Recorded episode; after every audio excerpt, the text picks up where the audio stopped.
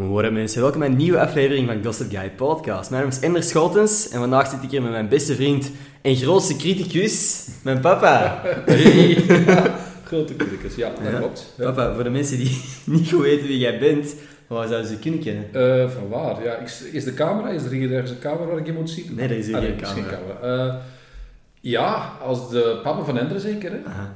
Ja, ik heb, ik heb eigenlijk nog niet veel van, van mijn ouders gedeeld online. Ik denk dat er eens één foto over verschenen is en een videootje waar dat je stem te horen is of zo, maar voor de Dat rest... zou ook alles moeten, alles moeten zijn eigenlijk, hè? Nu meer, hè? Hoe bedoel je? Dat is, dat is alles dan. Ja. Ja, nee, denk niet. Vind, vind je dat... Zou jij dat erg vinden om meer online te komen? Niet dat ik... Dat is geen voorstel of zo, hè, maar hoe zit dat met u? Ik zit er niet mee in, maar het is voor mij totaal geen must en ik zie Nee. ook niks geen voordeel voor mij in, hè? Persoonlijk, hè. Nee. Ja. Vind je dat dan... dan of vind je er dan van dat ik er wel zo actief mee bezig ben? Heb je nu je twee? Ja. Nee, eh, dat is ja, een passie van jou. Ik, kan dat, Uh-huh. ja, ik, ik geniet daar soms van dat, je zo wel, dat het zo belangrijk is voor jou en dat je daar zo goed mee omgaat. Eh, ik ben natuurlijk ook iemand die een beetje naar andere dingen kijkt, zoals studieresultaten. Hè? Ja, en ik merk zo af en toe wel dat dat iets minder is. Hè? Aha. Hè? Omdat er Maar veel aandacht en tijd en Het energie... is time consuming. Hè? Ja. En dat hele social media, en ik zie dat natuurlijk. Ik, zit- ik, zit zelf in de IT en ik zie gewoon dat alles wat met media te maken heeft, heel veel tijd consumeert. Ah. Dus ja.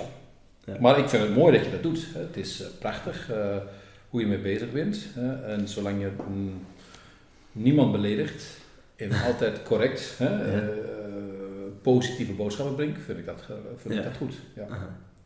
Oké, nee, zolang ik doe wat ik graag doe zonder iemand anders te kwetsen of zo. Ja, kwetsen, ik zei, dat, eh, als dat de trend wordt, of je die gaat, dan zeg ik nee, stop, stop met dat je doen. Maar dat heb ik voorlopig nog niet gedaan. Dus Nee. voorlopig ook. Voor mij niet, hè, Nee, ik volg niet alles, hè, Nee. zover ik weet niet, en, maar zo ben jij ook niet opgevoed. En ik denk dat het, jij positieve elementen op het social media gebruikt hebt, terwijl heel veel, of ook een groep mensen zijn die juist het negatieve Ja. Dus, eh, Alright. Maar ja, eigenlijk, ik ben al heel snel over mij begonnen en jij begint hier over opvoeding en zo. Misschien even iets over jezelf. Wat doe jij, want dat is een vraag die iemand zelf ook gesteld heeft. Uh, wat doe jij in het dagelijkse leven? Wat doe ik in het dagelijkse leven? Liefst niet te veel. Ja. Maar jij werkt heel veel eigenlijk. Nee, oké. Ik ben, eh, ja, ze noemen het mooi, een IT-consultant. Ik noem Mhm. mezelf systeemarchitect. Mhm. Ik eh, geef advies aan firma's hoe ze Mhm. moeten omgaan. En ik heb dan met name ook toevallig in de media, Belga, persagentschap, waar ik heel veel voor werk, zetten wij samen nieuwe systemen op, eh, apps, ontwikkeling van apps, eh, Mhm. het nieuws brengen naar de mensen. Hè? Ja. Dan weliswaar, hè? Ja. echte nieuws. Eh, daar ben ik grotendeels mee bezig. Ah. Dus- Heb jij ooit gehoopt dat, dat Olaf of ik ook die richting uit zou gaan, IT, en ja, iets met computers zou doen? Nee, je moet, ik, ik, iedere vader hoopt dat misschien zijn zoon in zijn voetsporen treedt. Maar Mhm. voor mij moet je passie volgen. Voor mij is IT is mijn passie. Ik ben als 18, 19 jaar, 19 jaar daarmee in de aanraking gekomen. Mhm. En ik was zo gepassioneerd, dat ben ik nog steeds, dat het, het werk voor mij eigenlijk niet een, een storend iets is. Ik, ik ga, ik doe het graag. Hè? Mhm. En dat moet iedereen kunnen doen. Hè? Zoek een job of zoek een studie of wat, wat je passie is. En kijk niet naar van, oei, als ik dat zou studeren, dan heb ik misschien geen goed inkomen en of wat. Ik vind dat eigenlijk niet van belang. Ah. Voor mij is passie het, het, het belangrijkste is wat je moet doen. Ja, want je zegt ook, op mijn 18, 19 ben ik daar al mee begonnen en heb ik mijn passie gevonden. Dat is vlak na het middelbaar eigenlijk. Ja. Dus ja, kun je in hoeverre dat jij er... Het zal iets later geweest zijn, like 20, want natuurlijk, we spreken nu wel over eh, 84. Hè? 1984. Toen waren Ja. de computers er nog niet. Hè? Niet Dat was nauwelijks. Zijn waren dan de eerste wel die mee... de eerste computers kwamen op. Hè? Toen begon mijn studie. En ik was er zo goed over gepassioneerd. Hè? Mhm. Ik had er ook een computertje. eh, om daarmee verder iets verder te gaan doen. Ja. En toen heb ik dus daar de studierichtingen gevolgd. Eh, en daar snel ICT-manager geworden en later voor mezelf iets opgestart. Ja. Want je zegt zo met studie, maar dat is ook veel zelfstudie geweest. Hè? Je hebt niet echt een, veel hoger onderwijs. In die tijd had je niet echt specifieke studies. Hè? Of je Mhm. moest naar burgerlijk ingenieur, die je dan, eh, dat je later ook terug weer eh, developer zou worden of iets dergelijks. Ah. Maar je hebt toen niet echt een studie van nu ga ik informatica studeren. Nee. Die mogelijkheden zijn er nu wel. Dus wat dat betreft ben ik een self-made man. Ja. En heb ik het long the way. Hè? Want het is echt niet jezelf, maar ik heb het zelf ook wel zeggen. En dat heb ik ook al vaak, eh, misschien niet vaak genoeg gezegd, maar dat ik dat wel fucking cool vind.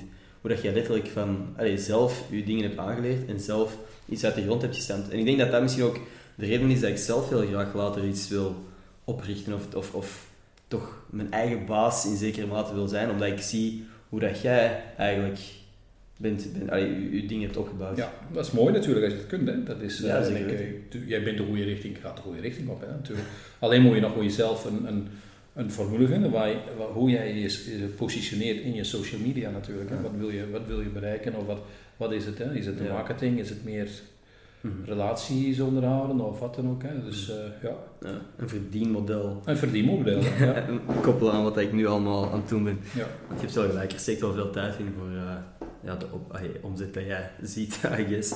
Nou, Eh, omzet, nee, ik, ik Nee, zie nee, gewoon dat, het, dat, dat, het, dat veel mensen denken, ik, ik, ik, ik zit altijd te relativeren. Ik zeg, Ja. ja. dat, jij zegt van ja, in, in een opdrachtje misschien. Ik zeg ja, maar eh, wat, wat, hoeveel tijd steek je er uiteindelijk in? Ja. Het is niet zo dat je een, een, een, een social media campagne doet, dat iedereen ziet, ah, dat heeft maar een kwartiertje geduurd. Mhm. Nee, dat duurt veel langer. Hè. Je bent daarmee bezig. En als je dan ziet, wat is dan de rendement, hoeveel tijd ik in iets insteek, wat je dan terugkrijgt. dan- Nee, klopt. Want eh, bijvoorbeeld als ik betaald krijg om een story te zetten, is dat niet 15 seconden filmen van die story, dan is dat eigenlijk maanden stories posten die entertaining genoeg zijn zodat mensen blijven kijken om dan één keer iets te verdienen. Jij bent constant ermee bezig om een opdracht te krijgen. Hè? Je Ja. krijgt niet iedere dag een opdracht, maar het duurt wel misschien een week of twee weken dat je een keer een opdracht krijgt. Maar je moet wel relevant blijven op het Ja, social media platform. Dus eigenlijk steek je er constant tijd en energie in. Hè? Mhm. Dus wat, wat doe je liever? Iemand die gewoon afgestudeerd is, die neemt een job? Ja. Of iemand die video's maakt. Ja, nee, maar ik bedoel, die weet duidelijk een kader, die heeft een duidelijk kader. Dit is mijn kader, ik Aha. werk, Aha. ik moet projecten doen of ik doe dit. En om, om de acht uur, om de vijf uur is Aha. swoosh. Hè? Ja. Eh, En voor jou als zelfstandig, als je stelt voor dat je dat ooit gaat doen, om zelfstandig daarmee verder te gaan, dan stopt dat niet na, na vijf uur 's middags. Hè? Mhm. Maar jij moet relevant blijven op dat, op dat hele platform. Ja, klopt. Dus maar goed, dan hebben we het weer over jou natuurlijk. Ja, klopt. Het ik gaat altijd heel snel vertellen, kwijt willen nog mij Ja, daarom. Nee, dat wou ik, dat wou ik echt vragen ook. Ehm, want, ja, ik weet niet in hoeverre dat je erover wilt praten, over, over bijvoorbeeld je, je kindertijd, over eh, hoe dat je bent opgegroeid. Want, ik bedoel, ik leef een heel ander leven dan jij vroeger hebt geleefd. Ja, dat is, dat is een feit. Hè. Wat is mijn kindertijd? Ik kom uit een gezin van negen, Mhm. zeven kinderen, Ja. twee broers, vier zussen. Ik was de jongste. Ik heb het altijd insane gevonden. Ja. Zeven En wij, wonen in een klein huisje van, laat ik zeggen, drieënhalf slaapkamers. Aha. We hadden er misschien vier, maar Ja? ja? dat was ons leven. Maar we hadden de grootste van thuis en we hebben nog steeds, als ik mijn zussen en mijn broer zie, ja, dat is nog steeds als het zo vroeger was. Ja. Hè? Maar iedereen heeft ondertussen wel wat bereikt in het leven. Hè? Eh, eh, iedereen heeft het goed gedaan. Hè? Mhm. Dus, maar toch voelen wij nog steeds als we bij elkaar zijn. Dat we Ja. Doordat je een groot gezin bent, maar ook heel close bij elkaar was. Ja, dat is nog steeds zo. Ja. Dat is mijn, ja, en ja, wat kan ik vertellen over mijn jeugd? Mhm. Ik ben Nederlander, dat hebben ze misschien nu Ah, ondertussen gehoord. Ja, ja en, eh, Maar ik voel mij meer, nou, ik zeggen, een echte Neder-Belg. Laat ik zeggen dat ik me meer Vlaming voel dan ondertussen een Nederlander. Hè. Omdat ik eigenlijk niks... Ik ben getrouwd met een Vlaamse, maar ik voel mij ook veel meer thuis, hier in België, in Vlaanderen, dan, dan dat ik mij in Nederland eh, nu thuis zou voelen. Vlamingen Maar- zeggen nog steeds van, hé, hey, van waar komt jij in Nederland? Ja. En Nederlanders snappen niet, allee, eh, Die kunnen niet dat horen welk accent dat je eigenlijk Ja. hebt. Eh, Toen ik mijn, jouw mama leerde kennen, was, was voor mij wel al die kleine nuances van het Vlaams, Aha. moest ik heel goed luisteren. Allee, en die... Alleen, nee, maar ook bijvoorbeeld als ze dingen zei, droogkast. Wat is een droogkast voor hem? Oké. De frigo. De frigo? Dus dat zijn allemaal van die kleine nuances, dat, dat een Nederlander die, ja, de droogkast bestaat niet, dat is droogtrommel. Droogtrommel. En een frigo, dan moest je even, ja, een koelkast. Dan Koelkast. kun je dat dus wel. Hè? Dus heel veel van die kleine woordjes, wat voor mij dus, eh, oké, ja, oké. En nog af en toe verschiet ik wel eens Een van tosti of een croque monsieur. dat soort dingen. Ja, kleine dingen. En als je dan in Brussel werkt, wat ik dus doe, dan kom je nog met de echte Brusselaars in aanraking. Antwerps is al iets. Dan, dat is dus grandioos, ik vind dat prachtig. Dat, eh, hè, maar ik spreek zelf ook nog dialect Gronings. Hè. Als ik thuis, Gronings. Gronings, hè. Als ik dus thuis ben terug bij mijn familie. Hè. Ik heb dan wel geen eh, ouders meer, maar als ik bij mijn zussen en broers ben, dan is het Gronings spreken. Hè. Ja. Ja. En dat horen jullie dan ook wel, hè. maar dat verstaan jullie ondertussen al een klein beetje. hè. Nee, sowieso. Ja, dat is heel grappig. Want ik, ik heb altijd het gevoel dat ik in zekere mate met een Nederlands accentje of, of iets meer AN begin te praten wanneer ik in, in Groningen ben. Maar bij u bij u is dat een ander niveau. Jij bent echt Grunnings, het, het accent, het dialect, is zo een andere taal dan Nederlands gewoon. Ja.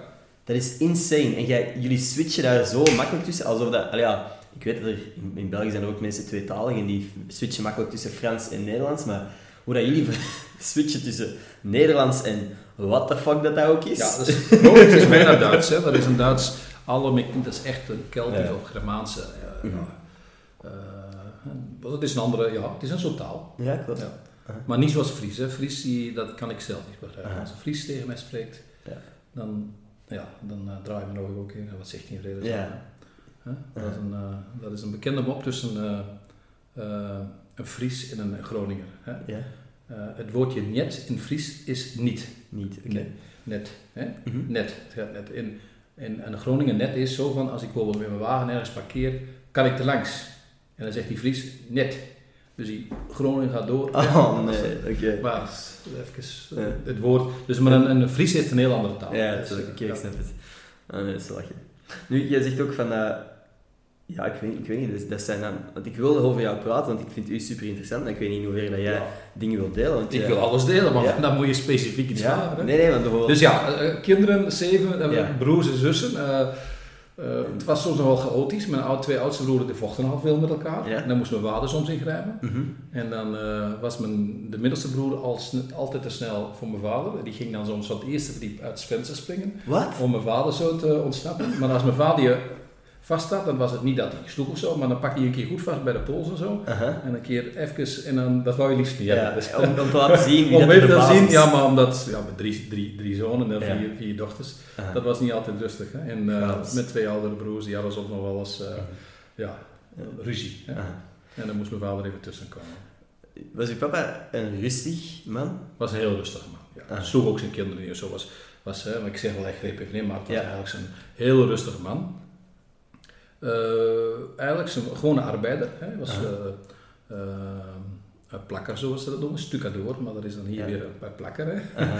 ja. Dus, Is er in- nog een ander eh, woord voor? Wat zal het zijn? Ja. ja, ik zou het zo niet weten. Dus, Pleisteren, hè. het is hier, ja. Het Vlaams zal het wel stukken door, zoals ik Ja. wel zeggen. Hè. Maar goed, zo- zo, Mhm. Maar eh, ja, hij had wel, hij heeft genoeg ambitie gehad, maar had zeker meer potentieel gehad. Hè. Mhm. Maar ja, hij had in de oorlog gevochten nog eh, in Indonesië. Eh, toen heel snel. Hè. In die tijd was dat, in de jaren 50. eh, mijn moeder ontmoet. En ja, de ene naar de andere kleine kwam. Dus ja, moest je dus duidelijk iets anders doen. En hij heeft eigenlijk ja, in die tijd studeren in het dorp waar ik wegkwam, hè, waar hij geboren was. Aha. Waren niet de mogelijkheden weggelegd voor iemand. Dat was na 12 jaar.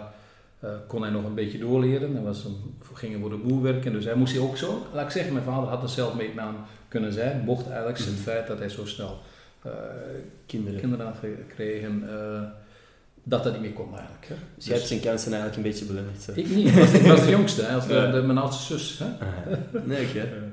Nee, Ja. maar zeker met daar, mijn vader was daardoor wel later ook ontwikkeld, zichzelf wel aan het educeren. Eigenlijk, Ja. Aan het zorgen dat hij wat, wat ja, bij school of, wat dan ook. Hè. Mhm. Dus eh, las graag eh, dingen, eh, boeken en, en zo. Dus was zichzelf wel aan het verder ontwikkelen. Hè. Ja. Dus, eh, maar eh, een rustige man. hè. Eh, had zijn hobby's ook. Eh, En uw mama? mijn mama was echt, eh, ja, dat was de gezelligheid zelf. Ja. Was dat zo het hart van de familie een beetje? Dat zo? was de bindingsfactor. Hè. Mijn Ja. moeder was de bindingsfactor. Dus eh, eh, die kwam ik als ik van school kwam thuis en stond een eh, tas thee al klaar en een paar koekjes en eh, Zalig. dat was zalig. Ja. En, ja, dat was de bindingsfactor. Ook toen mijn vader overleed was Mm. dat de bindingsfactor eigenlijk binnen de familie. Iedereen altijd terug naar het ouderlijk huis waar mijn moeder was. Ja. Want, ja, uw papa is op welke leeftijd ook alweer Mijn overleden? papa is overleden op zijn vijftigste Aha. en mijn moeder op 65. En jij was dan ou- hoe oud? Met mijn vader was ik 16 Aha. En dan was ik volledig aan het puberen, dus voor mij was dat een beetje een, een rare ervaring, omdat eigenlijk, je bent aan het puberen en je beseft er eigenlijk niet helemaal wat er gebeurt. Mijn vader eigenlijk is al jaren ziek, Mhm. eh, kanker, dat is een kanker die nu wel te genezen is, maar toen nog niet. Hè. Mhm. En ja, dat besef je niet, dus dan als later pas besef je dat je eigenlijk dingen hebt gemist, Ja. omdat je veel te veel meer als puber met jezelf bezig bent. Hè. Mhm. Dat is natuurlijk puberen, hè. Puberen. Dan ben je met jezelf bezig. Mijn moeder was ik eh, al getrouwd met je mama. En ik denk toen was ik iets van eh 35 of zo, of Mhm. 34. hè. Ja. Dat is twee jaar voordat jullie gebo voor jij geboren was, Mhm. is hij overleden. Ja. Ja. Vind je dat, ja, eh, ik weet het antwoord al, maar vind je dat jammer dat je ouders ons nooit gekend hebben? Uiteraard, hè, dat is mijn, eh, ja, mijn grootste prestatie, hebben ze niet gezien. Hè? Dat zijn wij je grootste prestatie. Ja, jullie zijn, ja, zeker, hè, zeker. Hè, en eh, ik vind mijn kinderen, dat is alles. hè. Dat is, eh, Ja. Ik zeg het misschien te weinig, hè? misschien laat ik niet altijd blijken, maar ik moet een beetje overcompenseren. Compenseren van de mama. De mama die Natuurlijk, het, hè, maar dat weet dat heel veel en de kindjes en zo, dus ik moet natuurlijk wel een beetje... Nee, maar dat weten we. Ja. Olaf en ik weet er al bij. Mama is, is heel, laat heel erg zien hoeveel ze van ons houdt, met knuffels en kusjes, en dat weten wij. Maar jij hebt niet zo tough love. Ik weet niet hoe ik dat anders moet zeggen, maar gewoon, als je dan zoiets zegt, apprecieer ik dat ook nog des te meer. En dat wil niet zeggen dat ik de kusjes en de knuffels van Nee, mama maar- niet apprecieer. Het is anders. We, weten dat, we weten dat. Ehm, want dat is, dat is gek om te zeggen misschien, maar ik weet... Ik heb, ik heb mijn grootouders niet echt gekend, zowel langs jouw kant als langs mama haar kant. Heb ik nooit echt bewust meegemaakt dat ik grootouders had. En dat is iets waar ik soms wel aan denk. Ik wil dat jullie mijn, mijn kinderen Ja, ooit zien. ik zal er maar aan beginnen. Zo. Ja. ja, ik heb nog een paar jaar, denk ik. Met deze COVID, we weten het nooit. Hè? Ja. Eén hoesje te veel. En, nee, nee, dat is misschien niet correct goed gezegd, maar Nee, nee, ja, wel. ik zou het ook graag willen hè, dat ik eh Ja. kleinkinderen heb. Hè. Als ik maar niet iedere dag aan de schoolpool moet staan, dat is iets anders. Hè. Nee, nee, nee. Dat, zou mama dan wel weer graag willen, maar Ja. ik liever... eh, Maar ja, ik denk dat mama, mama zou een ongelooflijk goede Ja, zeker. super lieve oma zijn. En jij ook een super lieve opa, hè? maar ik denk dat dat voor mama wel echt een, een droom is ook. Ja. Om. Die achteraan zo op, hè, maar echt gebeurt het. Maar goed, we zullen nog even geduld moeten hebben. Ja. Heb jij jouw mama ooit oma zien zijn voor de kinderen van uw broers en zussen? Ja. Ja. Eh, mijn eh, je oudste broer had al vrij vroeg eh, een zoontje. Mhm. En ehm, toen leefde mijn vader ook nog, dus die heeft er ook nog gezien. De andere kleinkinderen die dan wel vrij snel gevolgd zijn, heeft mijn vader niet meer gezien, want die was toen al al uh, sterven, of uh, lag op sterven eigenlijk al. Hè. Dus, ja. Maar mijn, ja, mijn moeder, dus mijn moeder was ook wel een grandioze oma hè, voor, uh, voor de kinderen van mijn broers en zussen. Hè. Dus ja, dat heb ik ze niet aan jullie, kunnen geven, maar ja, die was ervoor. Hè. Dat was een soort, ja, die babysit of kwam er langs logeren. Uh, Ja. alles kon. Hè? Mhm. Dus, uh, ja. Was je eerder een mama's kindje of een papa's kindje, denk je? Ik denk bij. Bij? Oké. Ik had een heel goede relatie met mijn vader. Mhm. Ik keek ook, dat was voor mij, net zoals iedereen zegt, ik wil brandweerman worden of wat dan ook. Ik wou eigenlijk net zoals Mhm. mijn vader, Ja. hè, ook met mijn handen werken of iets, want ik vond het grandioos. Ja. Hè? Het is helemaal anders uitgedraaid, maar goed. Ja. eh, Ja, omdat hij ook wel de stimulerende factor was van, kijk joh, je moet iets bereiken in het leven. hè. Maar, als kindje, als, als zie je dat natuurlijk, je vader is een ideaalbeeld. hè. Je kunt hè, eh, sterke grote man hè, die alles kon. En, eh, Mhm.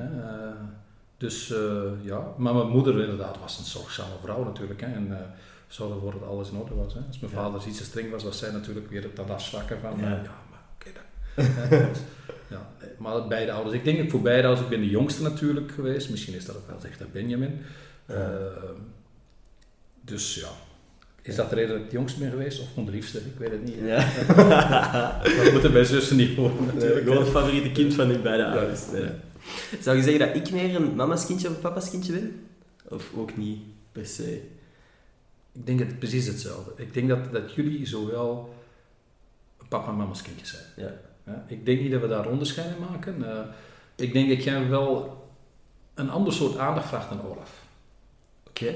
Olaf die, die vraagt een aandacht op een, uh, laat ik zeggen, met, met momenten meer. Mhm. En jij bent meer... Constant aandacht zoeken. Aandacht, nou, constant niet, maar je bent bezig. Je vraagt ook constant, mama, wat vind je dit en zo. Ja. Dus dat is een soort, soort ding en dat vinden we ook leuk. We, we worden betrokken bij jouw, jouw gebeuren.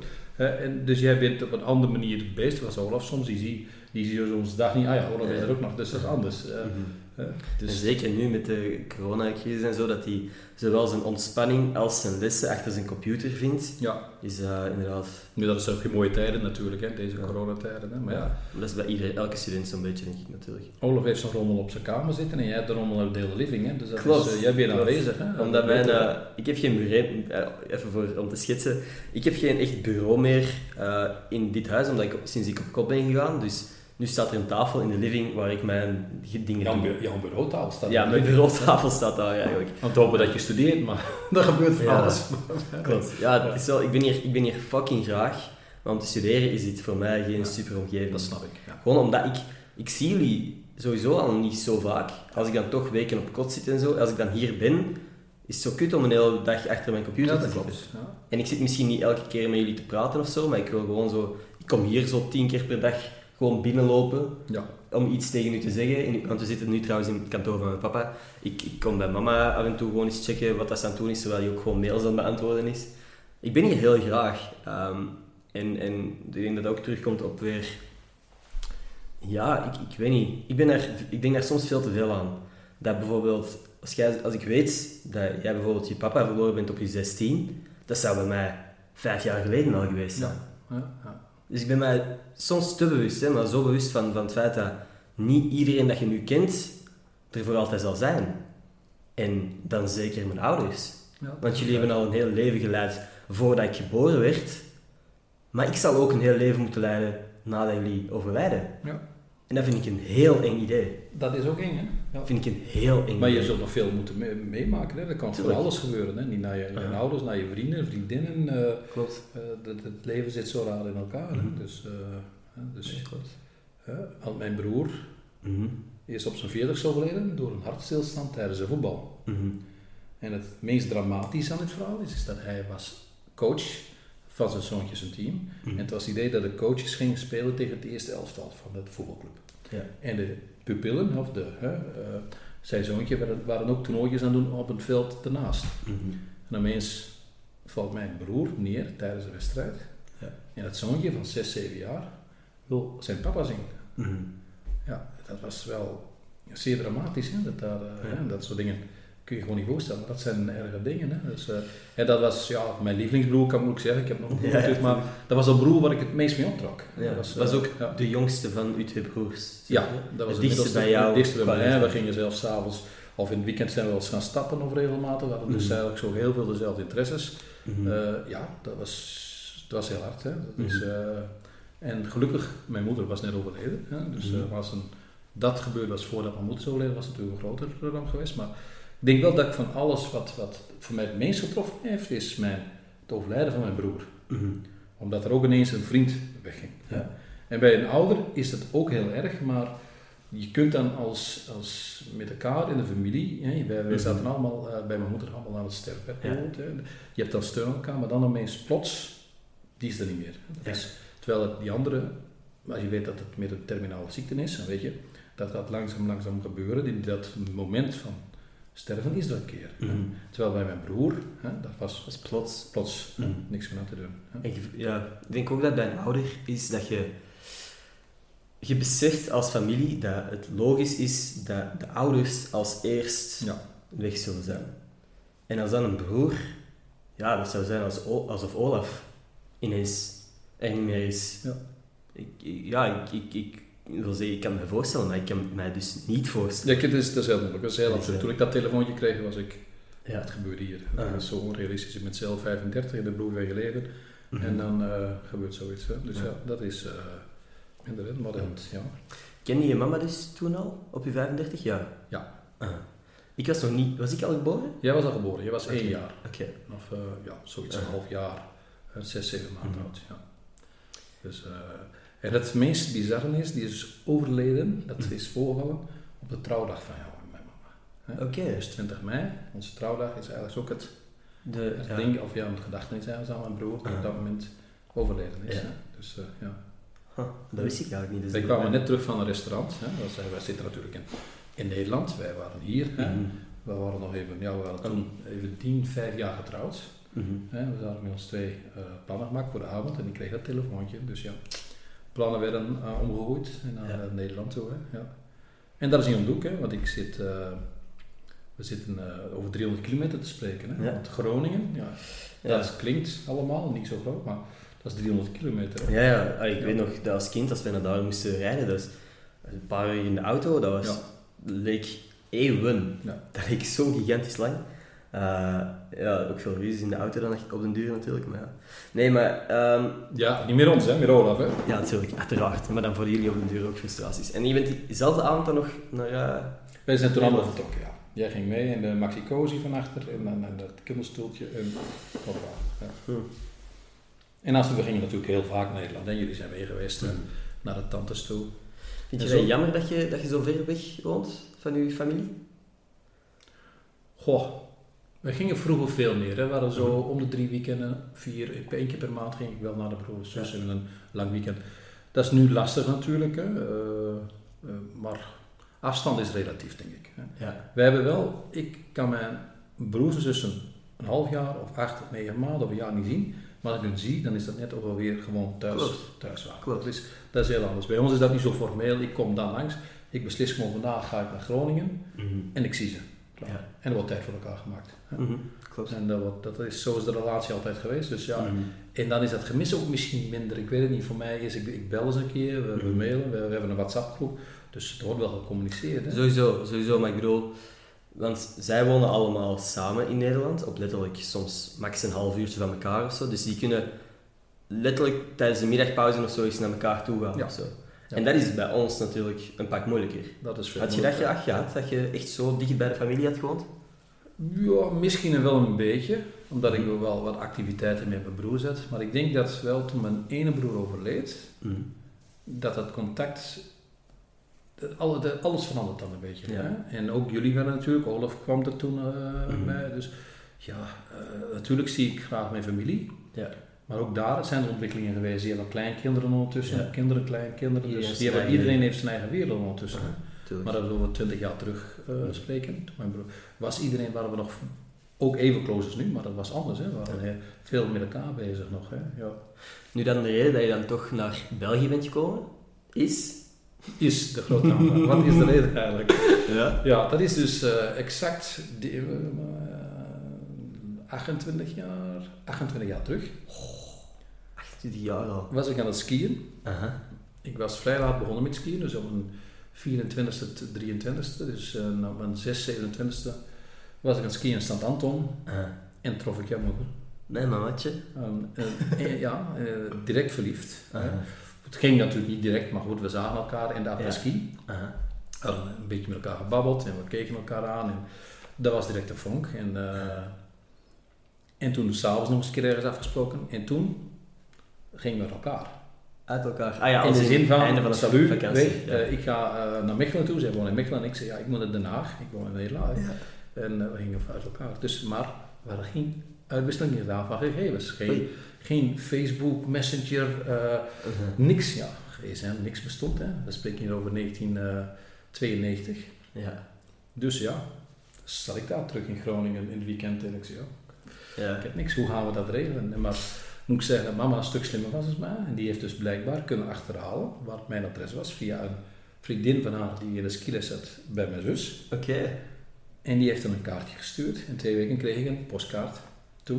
Oh, wauw. Met een, een En telefoonnummer of dat postkaartje heb ik nog steeds. Nee. Een, eh, een ijsbeer op de Zuid of, eh, Noordpool. Aha. En dan stond ze, eh, van jou krijg, ik kou, gekrulde tenen of koude tenen. Ik moet er nog even. Van jou krijg ik koude thee. Ja, zo, nee, het is niet koude tenen. Het was, was, was heel een leuk tekstje. Aha. Hè? En dan stond erbij van je kunt mij bellen op dat nummer. Oké. Dus dan, ja, toen heb ik direct de telefoon gepakt. Maar zalig. Ja? En eh, gebeld vanuit Den Haag. En de, de weekend erop hadden we afgesproken. Ja. Oh, dat is super. Dat wist ik niet van een kaartje. Dat is wel leuk. Ja, dat moet ik hier nog eens hebben. En eh, het mooiste was, ik moest dus eigenlijk, ik ging vrijdag s'avonds naar naartoe. Aha. Dat is Mechelen. Ja. Maar ik moest de volgende dag terug zijn in Groningen, had ik afgesproken. Maar niet s'avonds, ik moest al zo om 7 uur zijn. 7 uur s ochtends. 7 uur s ochtends. Oh, wauw. Dus ik kwam, ik was eigenlijk eh, daar gebleven in Mechelen tot 2 uur s'nachts. Aha. Dan moest ik nog 3 uur, 3,5 uur naar Nederland, omdat ik om 7 uur terug had afgesproken met vrienden. Oh, we moesten ergens naartoe, ik weet het niet. Ja. Terug naar Amsterdam of zoiets. eh. Oké. Ja. Dus eh, toen zat ik als een zombie bij hen in de auto. Dus ik had dus geen slaap gehad. dus, eh, maar dan was ik terug eigenlijk, oké, in slaap. Mhm. Zondag, hup, terug telefoon. Ja. was jouw mama die vroeg of ik zondagavond ook terugkwam. Hop, terug de auto. ja, terug naar uh, Mechelen. Weer 350 kilometer. Ja, het was 300, 350 kilometer. Terug naar Mechelen. Niet altijd veel slaap die periode. Ik zei, maar dan heb ik al een probleem. Ik zei, ik moet op werken morgen. Ik zei, ik moet toch ergens kunnen slapen. Ja. Uh -huh. Toen mocht ik dus beneden op een matrasje slapen, toch wel. Oké. Okay. Zalig. Dus. En, nee, dat zijn de tijden maar ik heb een ontbijt gekregen. Hè? Ah, super. En, mocht dan, uh, en toen mocht ik gaan werken. Mm -hmm. En toen is zo nog een weekend, nog een weekend en later hebben we dan, uh, ja, mm -hmm. was het uh, geklonken, zeker hè? Dat is het ja. geklonken, ja. ja. Toen uh, een paar jaar later. En een paar jaar later, hè? -huh. Ja. Trouwens, mama was ook wel niet jouw eerste echte vriendin, of wel? Nee. Nee. ja, maar dat is logisch. Ik ben ook niet de eerste vriend van ja. mama. Maar ik weet waar je op bedoelt, ja. Ik heb ook nog een vriendin gehad, die eigenlijk op, was zij, ik denk, drie, was ik 23. Uh, zij ook, uh, die kreeg een hersentumor. Mm -hmm. En nu snel heb ik een hele tragedie verteld, wat ik allemaal meegemaakt nee, heb. Nee, maar, dat, nee, maar ja. dat vind ik juist het ding. Jij, jij bent daar zo... Jij bent daar zo luchtig over. Als in, ik weet dat jij niet, sowieso niet degene bent die aandacht gaat zoeken op een negatieve manier of zo, maar je bent echt oprecht een van de meest positief ingestelde mensen die ik ken. En elke keer als ik dan zo van die dingen te weten kom over u, krijg ik alleen maar meer ja. respect voor Ja, maar goed, ja. Ja, ik, dit is niet leuk natuurlijk, maar uh, dat, mijn eerste vriendin is dus inderdaad overleden aan een hersentumor. Mm -hmm. ja. En dan was ik 24 of zoiets, 4, 25. Ja.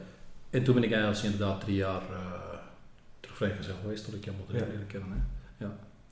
En dat is natuurlijk heel lastig. Hè. Je, je leert iemand kennen, dat natuurlijk mm -hmm. was 22, 23 of zo, je leert iemand kennen. Je bent nog in bloei van je leven. -hmm. En je wordt met zoiets geconfronteerd, dat is wel heel, heel hard natuurlijk. Hè. En je kunt zien, ja, is dat, hoe ver gaat die liefde dan voor die persoon? Hè? En dan ga je dan, ga ik erbij blijven of niet? Ga ik, want je weet, uit ervaring met mijn vader wist ik dat wordt een leidersweg, hè? dat is geen genezing mogelijk. Hè? De ouders hadden ook gehoopt in van allerlei alternatieve geneeswijzen, maar ja, voor mij was dat duidelijk. Maar ja, mm -hmm. ik kon het ook niet zeggen van ik ga hier mij afstand van nemen. Hè? Dus ik heb gewoon ook dat proces verder dan mee verder ondergaan. Mm -hmm. uh, ook uit liefde natuurlijk vooraan, maar, ook, maar ik wist wel, ja, ik, dus zeker de laatste maanden, je kunt daar niks aan doen. Hè? Je hebt dat meegemaakt. Ja, ik had al meegemaakt. Ik, ik, weet, ik weet dat ik een keer de laatste dagen bij haar kwam, dat ze me niet eens meer. Hè? Dus uh, ja. ja. Dus uh, ja. Dat, was, dat is niet leuk. Nee, dat maar op een gegeven moment moet je daar, ja, dan is dat gebeurd. Dan zit je in een verwerkingsproces, een rouwproces, en dan moet je iets terug verder het leven opzoeken. Hè? Ja. Je kunt niet daar, eh, Nee, tuurlijk. En ik probeer toch altijd het glas half vol te zien Tuurlijk. in plaats van half leeg. Hè? Mhm. En eh, gelukkig, anders had ik hier nu niet gezeten met jou. Ja, nee, dat weet ik. Nee, nee, maar dat bedoel ik. Dat bedoel ik. Daar heb ik, heb ik zo immen- immens veel respect voor. Want ja, ik bedoel, alles wat dat jij nu hebt gezegd, dingen dat je al meegemaakt hebt. Ik ben fucking 21 en tegen, oh, ik heb het gevoel dat jij soms op die leeftijd al drie levens geleid hebt met de dingen dat je al meegemaakt hebt. Wow, nee, dat valt wel mee. Maar- denk ik, ja. Dat, ja. dat klinkt zo, maar dat is natuurlijk met het, als, het, als het dood in een spel komt, heel cru gezegd, dan, dan leer je iets. Dan, dan, dan- dat is een levensles, dat is niet. Dan, Dat forceert het leven nu om iets sneller volwassen iets, te worden. iets voor, dat misschien niet, maar je kijkt, begint andere dingen te relativeren. Hè? Oké, ja. Mijn vader kon bijvoorbeeld zijn eigen dood niet accepteren. Hè? Die ontkend, was in een ontkenningsfase. En dat heeft bij, als bij ons in de broers en zussen ook problemen gezorgd, omdat hij er zelf niet over kon spreken. Die was zo wat introvert op dat manier. Hè? Die wou Mhm. eigenlijk Sterk eh, blijven sterk blijven voor zijn eigen, wou die dat niet, niet toegeven. Hè? Ik weet, kijk, toen was ik 12, 13 of zo, en lag hij inderdaad boven. Mhm. En eigenlijk moest hij, of was ik ja, 14, 15, hij- eigenlijk moest hem al geholpen worden met alle dingen die hij moest doen. Hè. Ik kon niet zoveel meer. Hè. Dat was een man van 1,94, hè, eh, hoog gespierd, en er was niks meer van over. En die wou dan toch nog alleen naar het toilet, naar beneden naar het toilet Mhm. gaan. En die viel van de trap. Dat zijn heel leuke dingen om te zien natuurlijk. Hè. Maar dat is puur uit trots, omdat hij niet wou dat iemand hem nog zou helpen. Hè. Mhm. Terwijl mijn moeder juist het tegenovergesteld was, die eigenlijk haar dood komende ja, dood eigenlijk accepteren. Ja, voordat het, hè, dat is in een half jaar is dat gebeurd, dat is een minder lang slepend proces geweest, Mhm. maar die sprak er met ons over. En dat was goed voor haar, maar ook voor ons. Ja. Dus wij konden eigenlijk het duidelijk met haar, ze, ze zei van hoe ze dat zou willen, hoe dat wil. En, en gelukkig dat als familie ook heel goed met elkaar over, en broers zussen goed met elkaar overheen komen, dat we dat konden bespreken. Hè. En dat hebben we een beetje gemist bij mijn vader bijvoorbeeld. Hè. Ja. Dus, maar zo heeft ieder, ieder geval is natuurlijk anders. Ja, hè. tuurlijk. Dus, eh, ja. Natuurlijk. Dus, uh, maar ik heb ook heel veel positieve dingen Dat natuurlijk. weet ik, dat weet ik. En laten we daar misschien nog eens over praten. Want eh, je zei het net al, en dat eh, heeft, heeft mij natuurlijk mijn ego gestreeld, maar dat uw, uw kinderen uw grootste trots waren. Ja. Als je, want dat is een vraag dat veel mensen hebben ge- gesteld. Is er iets, als je nu moet zeggen bijvoorbeeld, dat is iets waar ik heel trots over ben, dat Ender heeft gepresteerd, dat Olaf heeft gepresteerd, zoiets. Dat is moeilijk, hè? Dat is heel moeilijk, ja. Want Omdat iedere levensfase doen jullie wel iets waar je zegt van, dat vind ik mooi, Mhm. dat dat gebeurd is. Hè? Natuurlijk, want de eerste stapjes zullen wel iets geweest zijn. ja, dat je zijn, dat, over die eerste stapjes, dat is, vind ik eigenlijk, ja, voor jouw eerste stapjes waren voor mij wel een beetje speciaal. die Eerste zoon, Ja. eerste stapjes. Ja, nee, nee, omdat jij eigenlijk de eerste stapjes zette, dat is wel grappig. Uh-huh. Dus jij was denk ik twee weken laat, of, of ja, één, één maand in zoveel. Uh-huh. En ik moest eigenlijk naar de klant toe. En mama die was ook aan het werk had. Dat is eigenlijk ook een vriend van mij. Een Mhm. klein kantoortje, hè, een boekhoudkantoortje. Ik moest er even naartoe. Dus ik neem jou mee. En ik ben daar, en omdat ik toch wat van computers wist, volgens mij kun je dat even doen. Dus ik was, terwijl ik daar achter die computer gewoon een beetje ging helpen, begon je daar te lopen. En ik had het niet eens gezien. Ik was bezig en iemand daar zo, een secretaresse of een, een assistent of zo, die zei, hé, hey, die begint hier... eh, Te lopen. ja, helaas, eh, eh, ja, kunt geen camera's hadden we doen, Nee. maar goed, het was wel grandioos eh, ervaring. Dus dat was vond ik wel, uh, Olaf heeft, dat heb ik niet gezien, want Olaf is al thuis, mama hier was, Ja. is. Dus ja, dus ja, dan begon je eigenlijk niet te lopen op een wil, wildvreemde plaats eigenlijk, in plaats van thuis, dus dat was wel grappig. hè. Ja. En ja, inderdaad, je kunt het dan op dat moment niet vastleggen. Je kunt dat niet, je bent er niet zo snel en nu heeft iedereen zijn gsm en Ja, begint te filmen en eh, soms iets te veel te filmen. Dat was een echt moment toen. Ja, dat was, maar oké, nee. Dus, ja, ik- kijk, wat ik bijvoorbeeld voor Olaf wel heel mooi vind, bijvoorbeeld, Mhm. is, eh, we hadden er ook graag, hij was heel veel met het Engelse taal bezig, de stand-up comedian die Ja. hij gedaan heeft in een, eh, in een kleine Engelse pub, of wat was het, waar je naartoe bent geweest. Hè? Hè, waar we hem gegeven hebben en zeggen, kijk, oké. En dat hem daar ook zo lang bezig is geweest om een tekst uit te schrijven. Ik Ja. vind het grandioos van Olaf. Ja, ik, ik kan dat misschien wat kaderen, want eh, ik heb ooit een video gemaakt. We zijn, ik ging naar Londen hiervoor of zo, dat staat nog op mijn kanaal, maar dat was eigenlijk... Ik heb dat toen gedaan alsof ik voor een paar woordmopjes naar Londen was gegaan, maar toen zijn we eigenlijk een paar dagen, Olaf en ik, met z'n tweeën naar Londen gegaan, omdat hij daar een stand-up gig had eh, vastgelegd. Dus hij had een... ehm, hij ging naar een, een comedy café in Londen, samen met mij, waar hij dan toen al gereserveerd had dat hij vijf minuutjes mocht komen praten. Dat was gewoon omdat Olaf heel graag zijn comedy in het Engels deed. Eh, ik heel graag nog eens naar Londen wel mee wou. En hier in, in België ook gewoon geen eh, mogelijkheden zijn om dat zo te doen. Eh, en dat was een fucking toffe trip. Dat was ook voor zijn verjaardag toen.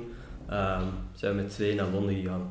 Ik heb het gevoel dat dat een heel slechte uitleg was, maar in ieder geval, Olaf heeft comedy Olaf gedaan. heeft comedy gedaan in Engeland. Ik vind Ja. het grandioos. Ik vind dat fucking cool. En nu zie je dat hij, dat hij daar stond, maar het feit dat hij daar al een half jaar mee bezig Ja. is, teksten verzint en daar intensief eh, En dat was- over nadenkt. Dat was 16 jaar, hè? 16 jaar stond hij in een comedyclub met allemaal volwassenen die daar ja, ook gewoon hun echte, echte grappige stand-ups waren. Hè? Ja. En Olaf moest niet onderdoen. Allee, misschien is dat omdat ik zijn broer ben en misschien iets of wat niet volledig objectief ben, maar ik vond het echt grappig. Ik heb het ook allemaal gefilmd.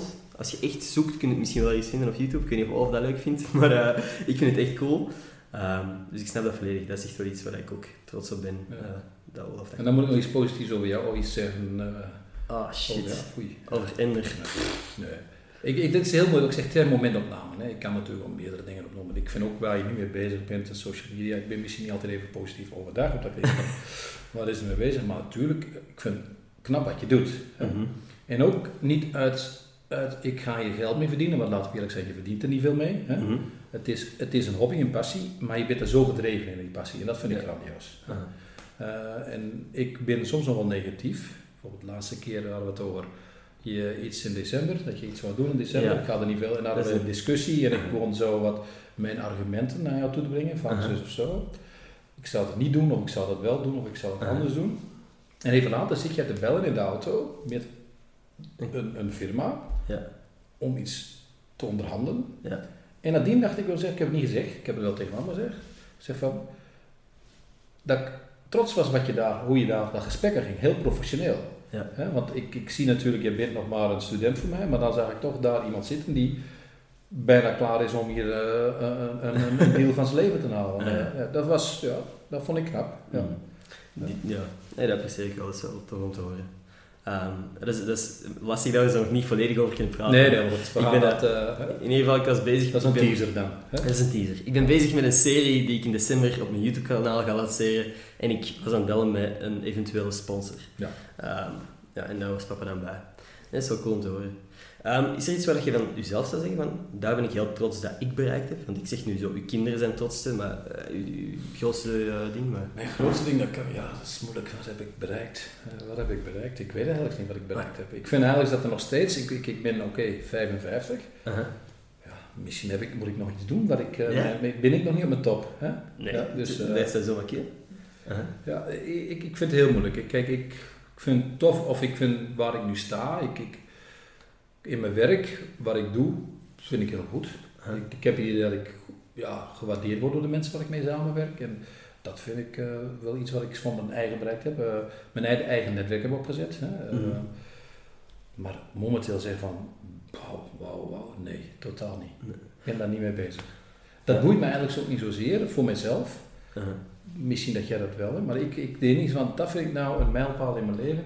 Ik denk daar eigenlijk niet, niet echt aan. Dat weet ik. En ik vind u veel te bescheiden. Echt waar. Ik vind u te bescheiden, want ik... Misschien is dat ook omdat je mijn papa bent, maar ik kijk heel erg naar je op en naar de dingen dat je gedaan hebt. En ik zeg het, de reden dat ik zelf iets wil oprichten later, is omdat ik gezien heb wat dat jij al gedaan hebt. En als ik zo kijk naar de foto's van, van die mama ooit ge- getrokken heeft toen dat jij nu eerste computers aan het prutsen waart in een of andere garage, dat ik denk van, holy fuck bro, dit is... Dit is, dat zijn voor mij beelden zoals als een Bill Gates of zo. Dat is natuurlijk is overdreven of zo, maar dat is misschien omdat je mijn papa bent. Maar ik vind dat zo cool om te zien, om te zien waar dat jij begonnen bent en waar dat je nu staat. Ik vind dat, ik vind dat insane. Dat is natuurlijk een, een, een- moet ook een beetje gekaderd worden. Hè? Dus je moet zo zien, in 1992, 94, 93 had ik met een collega, toen was ik IT-manager eh, bij het ministerie van Landbouw, een, een ambtenaar geweest even Ja. een tijdje. En we Ministerie van Landbouw? Ministerie van Landbouw, Oké, ja. ja. Dat is eh, in Nederland Den Haag. Hè. Mhm. En wij zaten dus op het idee, ook, die had ook zo de gebeten door de, de, de, de computer, de virus, de, de- alles wat daar. Dus ik heb, we gaan samen computers bouwen en verkopen. Gaan zien, kunnen we daar het grootschalig doen. Ja. We hadden niet voorzien dat er direct al van het werk 20 bestellingen binnenkwamen. Oké. Dus wat kreeg ik toen? Dan kreeg ik 20 bestellingen in één keer. Toen zat ik dus midden in de nacht. Maar we moesten dat ook na twee dagen of, of een week afleveren. Moesten we dus computers zelf assembleren. Ja. Dat is wel een heel leuke ervaring geweest, want je moest dus leveranciers zoeken. Waar haal ik mijn eh, kastje, waar haal ik mijn harde schijf, Ja. waar haal ik mijn cd-speler. Dus dat moesten overal, losse componenten werden dan overal gekocht bij tientallen verschillende leveranciers. Dus assembleren en dan verkopen. En toen hadden wij nog een kleine Honda Civic, geloof ik. Oké. Ik spreek ook, ik was 8 en 29. Aha. Die Honda Civic zat vol met dozen. Hè? 20 dozen, met monitoren nog. En dat zijn geen flatscreens, dat waren echt van die tubes nog. Van die dikke, echt Van die echte computers, tubes. zoals je ziet in de En cartoons. zo moest ik dus één voor één die computers afleveren. Dat Ja. Ik vind dat fucking cool. Ik vind het cool om zo, zo te zien, zo... Ja, started from the Maar bottom. dat is ook gegroeid een beetje vanuit een hobby. Hè? Dat was ook weer zo van, kom, we gaan dat doen. Hè? Ja, natuurlijk, het was je hobby. En ik vind dat cool dat je daarvan je Ja. job hebt kunnen Ja, maken. maar dan ben ik later eigenlijk gezegd, kijk, dat is niet, dat is leuk, dat is een leuk hobby geweest, maar dan heb ik gezegd, we gaan meer richten op het echte informatica-stuk. Ja. Adviserend en, en zien hoe... eh, Je bent begonnen met de Structuur. hardware en nu eerder... Nee, ik ben eigenlijk altijd system engineer geweest. System engineer, daar ben ik begonnen eigenlijk. Dat is Mhm. eigenlijk het, het, het grotere mainframes of systemen beheren en, en configureren. Hè. Mhm. Maar wat ik zeg, dat is dan, daarna ben ik gegroeid van een soort eh, hoofd eh, van een afdeling later tot een IT-manager. Maar ik vond eigenlijk, ik verloor het contact met techniek en ik vond het eigenlijk te boeiend. En zodoende heb ik eigenlijk dus die passie terug. Hè, want op een gegeven moment als je manager bent, dat klinkt allemaal geweldig, maar moet ik zeggen, ik, had, eh, ik was ook verantwoordelijk in die functie voor het eh, secretariaat. Dat viel dan toevallig ook onder eh, ICT, omdat dat ook verschrikkelijk was. Oké, ja. Nee. Dus uh, kieken kort af en toe, nee, dat was dus niet mijn ding. Dus ik dacht, ja, ik miste gewoon de echte techniek terug. Ja. En, en, Want je bent nu ook... Je bent nog steeds een handyman, hè. Als hier de, de garagepoort kapot is of zo, dan in plaats van iemand te bellen, fix jij ik vind dat wel eens leuk. Keer, dat is voor mij ontspanning. Hè? Ja. Weg van, van de documenten lezen en, en, en, en, en rapporten of wat dan ook schrijven. Ja. Ik wil een ontspanning en als er iets stuk is, eh, dan wil ik dat wel eens naar zien. Kan ik Ja. dat zelf? En dan, ja, dan vind ik dat wel de moeite om Ja, het zelf te doen. maar dat is super cool. Dat vind ik cool, want ik zou ik weet van mezelf dat ik al heel snel iemand gecontacteerd zou hebben. Omdat ik, ik zie je prutsen aan de shit en ik weet niet hoe de, wat de fuck dat jij doet, maar aan het eind van de dag werkt het wel goed. En het werkt weer, hè? Net zoals een kapotte fiets. Hè? Een fiets brandt. Mijn zonen kunnen dus geen? Fietsband repareren, hè? Ja, ondertussen, ik kan het wel, denk ik. Ik denk dat als je mij nu de fiets Volgende geeft, kan ik het wel... Ja, ik wil het wel doen. Ik ga eens checken, want we zijn ondertussen al heel lang aan het praten, maar ik heb nog eigenlijk amper van die vragen eh, van, Oei. van mensen gesteld. Het is, het is, ik denk dat ik er al wel een paar gecoverd heb, hoor, want ik had zo eens erdoor gescrolld. Ehm, ah ja, hier, dat is wel ja, grappig. Wat zou Ender zijn naam geweest zijn als hij een meisje was? Ja, we hebben het toevallig net bij Echt over gehad, net toevallig over gehad. Ja. Ik was voor Judith. Judith. Ja. En mama? mama Ik weet het eigenlijk niet meer. eh, ja. Uh-huh. En ik weet niet hoe het komt. Ik, ik, op dat moment werkte ik ergens waar Judith was. Mhm. En toen moest ik terugdenken aan mijn kindertijd. Uh-huh. Dat bij mij in de klas ook iemand zei die Judith heette. En ik vond dat, ja, misschien was ik daar een beetje verliefd op. zo. Eh, ik weet niet, maar dat speelde, dat, eh, dat was voor mij een mooie naam, Judith. Ja. Oké, nee, zeker. Ja, mooi Ja. naam. Die hoort je ook niet vaak. Nee, maar het is Joods, geloof ik. Oké. En Ender? Hoe bent je daarop gekomen? dat, eh, Want ik weet het, Ik maar... weet dat nu nog niet. Hè. Ja. Ja. Ik heb dus eh, de boek gelezen van Orson Scott Card. Mhm. En dat was het boek Ender de Wind, Ender's Game. En ik heb dat boek zelfs twee, drie keer gelezen, want ik vond het zo'n goed boek. eh, Mhm. dat daar dus de naam Mijn Ender van ja. ontstaan is. En Ender was eigenlijk, het is natuurlijk een Engels boek, hè, en Ja. was hij als Andrew, en dat ging de, in de familie noemde dat, eh, Ender. gingen ze afkorten tot Ender. Ja. Ja. Zo is dat ontstaan. En ik vond dat super origineel. Dus als je deze podcast luistert, noem mij vanaf nu Andrew. Andrew. ik vind het nog wel cool klinken, Ja. maar ja, laten we dat maar niet doen. Ehm, wat is het grappigste dat je ooit met mij hebt meegemaakt? Wow, dat is een moeilijke... Ik zou dat zelf niet kunnen. Het grappigste, jong. Het grappigste. Want we hebben al vaak samen gelachen, maar om dat nu zo een... een Nou, ik, ik, ik denk dat wij gewoon, als je ziet het Nickelodeon-verhaal, dat wij samen in de ochtend, zondagochtend, naar SpongeBob zitten te Ja. zien. En samen bulderen van het lachen, omdat dat een soort humor is. Ja, ja, mama snapt daar niks van. En, en eh, dat, soort dingen. eh. Zo absurd, SpongeBob. En, en waarschijnlijk vanavond kijken we een nieuwe film. Ik bedoel, dat is zo... Ik weet dat wij een keer, eh, dat was jij 12 jaar, Dat is iets dat nog steeds... en dat vond ik prachtig. Dat is niet New Kids Turbo, die hebben we ook gezien toen, maar Ja. ik denk iets vroeger. Tucker and Dale. Tucker and Dale versus Evil. Dat Holy was shit. de ongelooflijk. Mhm. Wij zaten er, het was zo erover, want we Ja. hebben zo hard gelachen. Ja. Ja, maar wij hebben gewoon... We hebben wel echt dezelfde humor. Ja. Wij kunnen met zo van die absurde shit lachen, wat dat niemand anders grappig vindt, dat wij dan strijk mee kunnen gaan. Ja, maar dat is, dat is- ja, Ja, ik dat hou van absurde humor. Natuurlijk, same ook. Ja. Again, Maar of ik nu gezegd waar we hebben om jou of met jou ja, dat is, dat is zoveel. Hè. We, we hebben, als we het dan zien, hè, dan, dan klikt het of het klikt niet. We hebben ook direct over van nee, het is toch niks, we zetten er veel maf of zo. Ja, ja, klopt, klopt. Dus eh, nee, ja. En dan hebben we ook altijd, als we samen iets beginnen kijken of zo, wij zijn altijd op dezelfde golflengte wel Ja. van dit kijken of dit gaan we niet. Ehm, ooit spijt gehad dat je Ender als zoon kreeg. Ooit spijt gehad. Uh-huh. Was ik een ongelukje of zo? Nee, je was geen ongelukje. Het was een zeer geplande... eh, eh, Mhm. Mama kon niet wachten om kindjes te krijgen, zeg, ik weet het niet. Uh-huh. Nee, nee, we waren echt heel goed bij. We waren echt... We waren liefst twee kinderen, dat is ons ook gelukt. Eh, wel liefste meisje natuurlijk, hè, dat weet je. Maar eh, nee.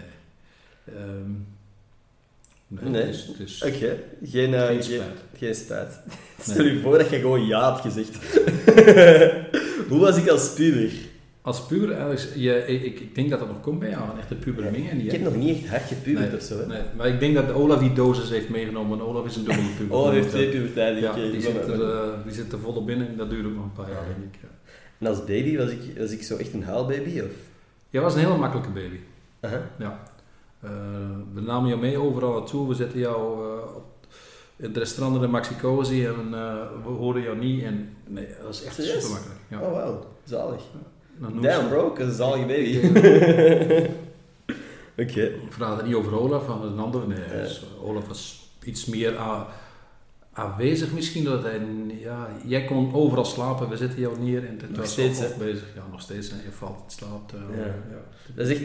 Dat is echt mijn guilty pleasure. Want ik ga nu, s'avonds, als ik met jullie, als jullie, weet ik veel, het zien zijn in een zetel of zo, kom ik er gewoon tussen zitten en weet ik, ik ga slapen nu. Ik ga nu gewoon slapen, dat boeit mij geen hol wat er op tv is, omdat ik gewoon bij jullie ben, en volledig op mijn gemak ben en dan gewoon tot rust kan komen. We hebben wel een keer gehad met jou, dat was zo verschrikkelijk. Oh? Terugrijden van Groningen. Je was twee jaar, Olaf was er nog niet. En je wou niet slapen in de auto. En begon maar te wenen en lastig te doen. En ik denk, ah, we zaten, mama en ik zaten wat doen we nu? Maar we deden gewoon muziek heel luid. We deden net weer steeds luider en luider. Oh. Maar je hebt echt een uur lang. ik wil zo tegen de slaap. Ik wil niet slapen. Ik wil niet slapen en ik wil en ik zal wakker blijven. Ja, dat was het meest onaangename rit van Groningen naar, eh, kan ik me voorstellen. naar ja, Schoten terug. Dan, Ik ben te snel geweest. Ik, ik ben dus toch een kut. Hij was meer puber geweest toen al, ja. dat was mijn puberteit. Even je puberteit. Ehm, wie is uw favoriete zoon? Vind ik wel een goede vraag. Ja, dat, dat is hetzelfde weer. Hè. Zonen, ik, wil, ik had het liefst een dochter gewild. Nee, Ja. nee, ik heb dat niet gezien. Hè. Jullie hebben alle twee zo jullie momenten. Mhm. Dat ik soms zeg, wow, die mannen. Maar Ja. eh, nee, ik, ik kan daar geen verschil. Er is geen verschil tussen de zonen. Maar Nee. jullie hebben alle twee een ander karakter. Mhm. En ik hou evenveel van jullie alle twee. Ja. Ja, dat is mooi. Dat is een heel diplomatisch antwoord. Ehm, wat is de grootste les die je wilt meegeven aan Ender? Een levensles. Een levensles. Oeh. Dat is een moeilijke. Dat is een hele moeilijke. Wat ik wel vind, is dat de social media, Mhm. waar je nu mee bezig bent, vind ik heel mooi. Maar er is ook nog een levende na. Ja, natuurlijk. En bereid je daarop voor, Aha. of wat er gaat komen. Hè? Want Ja. eh, ik weet niet wat, wat het gaat geven, hè, de toekomst. Hè? Mhm. Dus, eh, dus ik, maar ik vind het heel moeilijk. Ik een levensles aan iemand meegeven, dat is per persoon, dat is individueel. Ik kan jou zeggen, probeer je goede, cijfers te halen en zorg dat je diploma hebt bijvoorbeeld. Maar dat Ja. is geen levensles. Nee, klopt. Maar heb je... Ja, oké. Ja, dus- nee, maar ik vind dat een levensles... Dus gepersonaliseerd op mij is het van, denk na over een leven na sociale media. Dat is het enige wat ik kan zeggen. Van, ik kan Ja. jouw leven niet meer eh, begeleiden. We, we, ehm, we hebben een discussie gehad twee dagen terug over het feit dat je iets ging doen waar ik het niet mee akkoord was. Kun je dat? Dan heb ik jou gezegd, kijk, je moet zelf laten weten of je het gaat doen. Ah ja. Ja, ja klopt. Ja. Omdat ik, je bent 21, ik kan het niet zeggen dat je niet moet doen, maar Mhm. dit is mijn mening. Ja. En doe ermee wat je wil. Ja. Dus heb je beslist inderdaad mijn advies te volgen om niet te doen. Mhm. hè. Maar op een gegeven moment stopt dat. Ik kan het niet blijven doen. Op een gegeven moment moet je dat zelf doen. Dus ik kan, een levensles is heel moeilijk, hè? maar je zult zelf dat moeten ervaren. Dan moet je zelf moeten beslissen natuurlijk. En mijn advies kan niet altijd, is misschien niet altijd correct. Hè? Misschien heb ik, zit ik er ook naast. Ik krijg elke week een nieuwe levensles van u. nee, maar het is wel zo, het is wel zo. Ik leer echt wel ook van uw inzichten en zo. En soms denk ik inderdaad misschien te impulsief of zo. Of denk ik, ik ga dit nu doen. En geeft jij, allee, laat mij, jij mij gewoon nog eens extra nadenken. En denk je van, denk er nog eens rustig over na. En, en uw eerste instincten zijn niet altijd juist. Zo impulsief handelen als ik soms doe. Eh, of, of dingen die poten wil zetten, waar jij zo denkt van... mm, Ja. Denk er nog eens over na, want je gaat veel tijd en energie erin steken. En wat gaat er eigenlijk aan hebben? Ja. Dus ehm, nee, sowieso. Ik, ik, ik, leer, ik zeg daarvan, ik leer elke week een levensles, maar dat is niet overdreven. Dus ik, ik leer gewoon elke, elke dag eigenlijk van jou mee. Ehm, mensen vragen hoe dat we denken over de Amerikaanse verkiezingen. Ik bedoel, het is zo politiek, ik, ik, ik praat er sowieso niet graag over. Maar ik heb gewoon wel goed gelachen met de tweets van Trump de afgelopen dagen. Ehm, wat is voor u de grootste uitdaging geweest van het vader zijn? De grootste uitdaging van de vader zijn, Ja. is eigenlijk geduld hebben. Geduld hebben, oké. Ja. Eigenlijk, wat- wat is een uitdaging? Die is natuurlijk constant voor je kinderen zo, maar kinderen kunnen soms zeer, ja, moet ik zeggen, eh, irritant zeggen, maar zeer tijdrovend zijn. Met Mhm. alles wat ze doen. Alles duurt langer, alles, zeker als ze klein zijn. Ik wil dat niet, ik wil niet, ik wil zus niet, ik trek die Mhm. broek niet aan. Of, eh, ja, het is, het is, je moet geduld hebben, eh, een, een ouder moet geduld hebben. Ja. En, en natuurlijk, ja, de warmte en liefde moet altijd gegeven worden, maar geduld. hè. Ja. Oké. Nee, ik denk... Ik ja, altijd met de drie R's. Hè. de drie R's. De drie R's, weet je nog? De drie R's van opvoeding. Wat was dat ook alweer? Rust, Aha. Regelmaat en reinheid. Ja. Ah, oh, dat is Dus- heel lang geleden ik Ja, dus, dus dat betekent eigenlijk hè, rust, regelmaat, reinheid. De drie R's van de opvoeding. Dus je mag je kinderen slaan, maar doe het vooral rustig, hè, regelmatig Mhm. en eerst je handen wassen. Eerst je handen wassen. Oké. Dat is de toepasselijke De drie R's. Hè. De- Wat is de grootste irritatie aan Ender? Ja, Shoot. ja, shoot.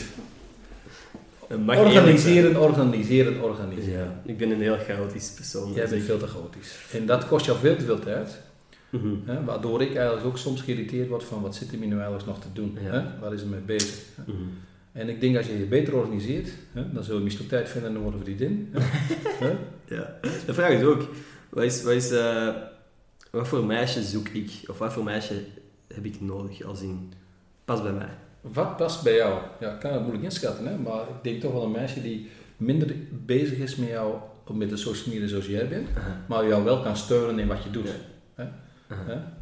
Eh, over de uiterlijk kan ik moeilijk zeggen of jou blond of donker valt. Of, eh, Nee. dat is zo, dat is, Want ik heb, allee, dat is inderdaad, ik heb niet echt een type, hè. Als je echt puur naar uiterlijk kijkt, ik denk dat voor jou inderdaad, wie het is, de innerlijke, dat dat ook heel belangrijk is in hoe ze zijn. hè. En. Natuurlijk, dat is hypocriet en zo, want natuurlijk, uiteindelijk kijk je als eerste naar het uiterlijk, maar je wordt verliefd op het innerlijk. Ja, ik, heb wel verschillende meisjes verliefd geweest die er volledig anders uitzien. Nee. Ehm, Maar je bent verliefd geweest. ik ben al een paar keer verliefd geweest.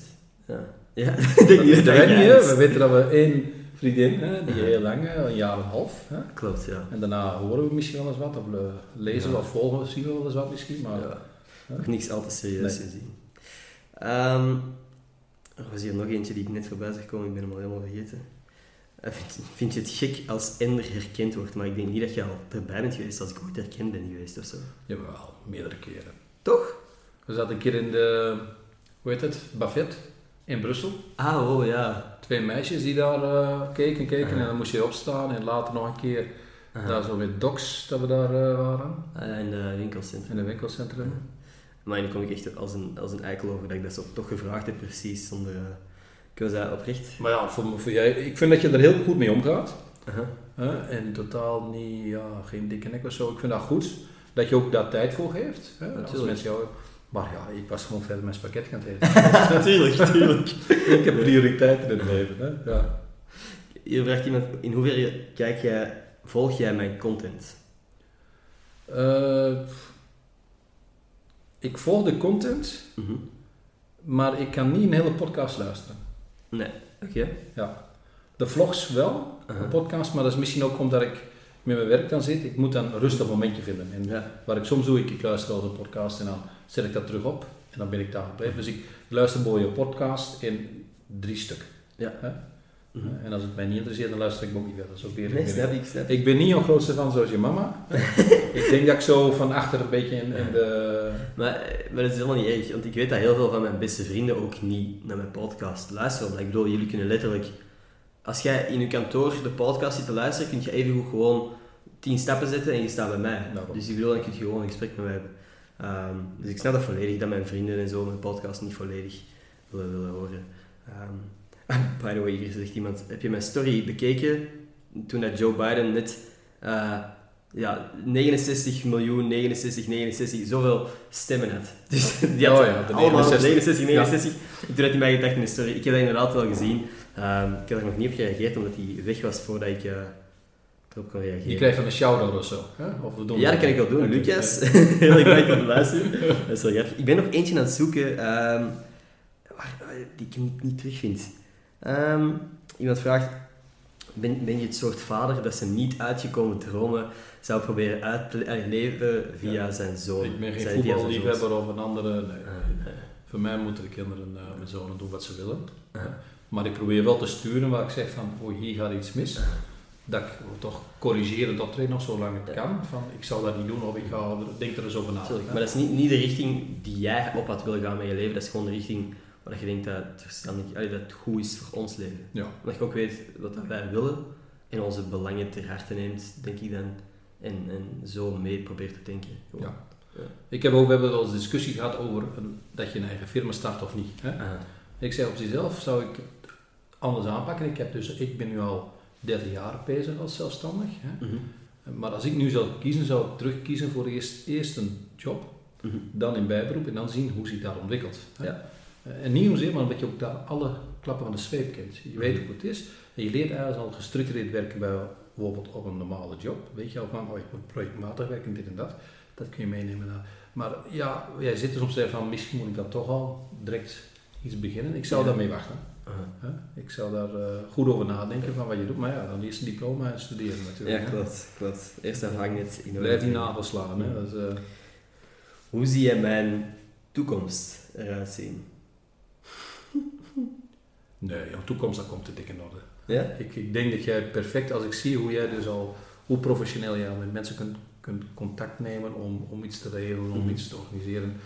Ik, ik moest, ik verschoot daar zelfs van, van eh, in de auto toen je dat, was een zeer professioneel gesprek. Dus dat komt wel goed. Ik denk wel, je bent iemand die zaken kan doen, deals kan sluiten. Mhm. Eh, dus dat komt wel goed. Uh, ligt natuurlijk hoe alles zich ontwikkelt, maar je hebt ook een passie. En dat, als mensen die passies hebben, en dat zie ik bij Olaf ook, is heel belangrijk. Passie, dat, dat, dat is een motor. Dat blijft een motor voor, voor, voor je heel je leven. En als je dat kunt blijven volhouden, dan, dan ben je gemotiveerd en dan kom je er wel. Mhm. Ongeacht of je nu uiteindelijk wel of geen diploma hebt, maar er zijn eh, veel succesvolle zaken, mensen die misschien niet een, die universitair univ hebben afgemaakt, maar die er toch zijn geraakt, puur door die passie en, Ja.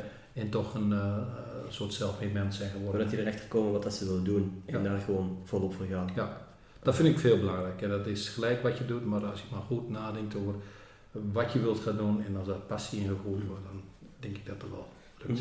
Mhm. Oké. Dus eh, dat is goed voor mij om te horen natuurlijk. heb, heb jij ooit een moment gehad waarop dat je het gevoel had dat je echt volwassen was? Ik voel mij nog steeds, ik ben, ik, oké, ik ben nu 55, Uh-huh.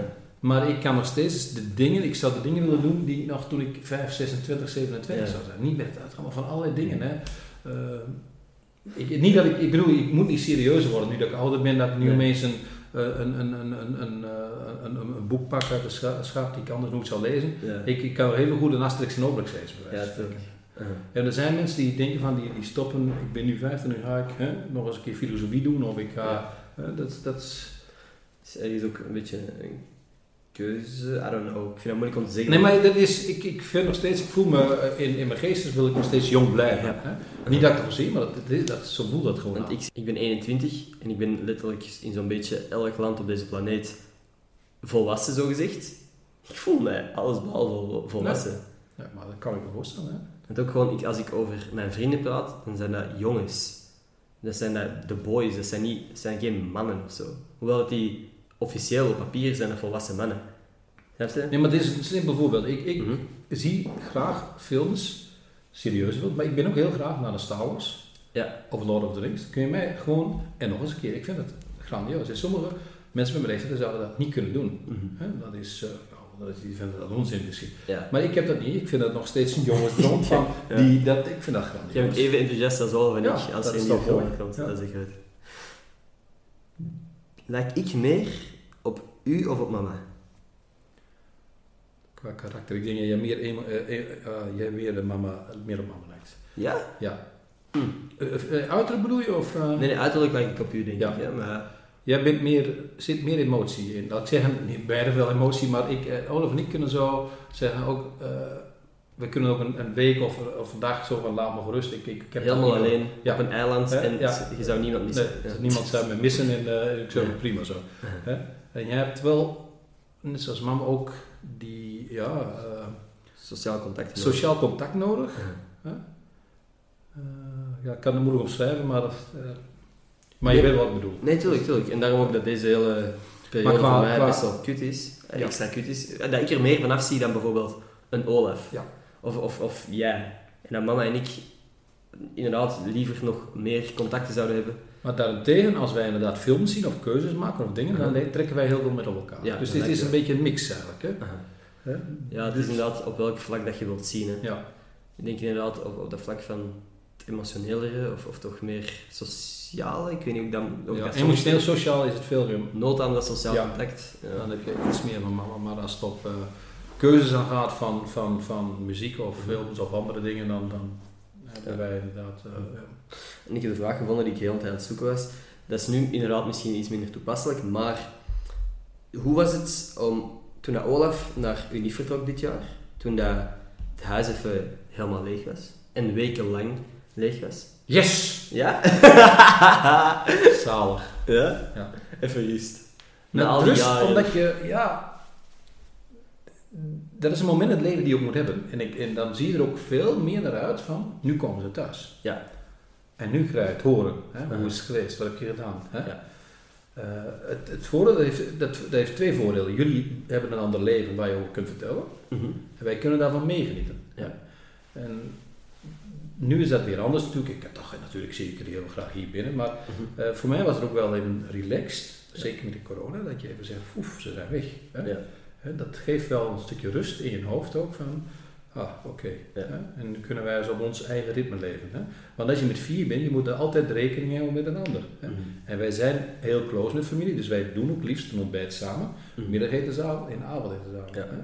Maar in jullie studententijd, jullie komen pas om 11 uur van bed uit soms, Mhm. en dan Klopt. is dat moeilijk dat bij ons leven. En nu konden wij gewoon ons eigen ding doen. hè. Tuurlijk. Dus, eh, ja. Want ik denk dat als je, ja, ik denk niet dat, dat vind ik, dat is iets wat ik pas later ben beginnen appreciëren of ben beginnen beseffen dat wij eten bijna elke maaltijd samen. Dat is helemaal niet zo voor de hand liggend.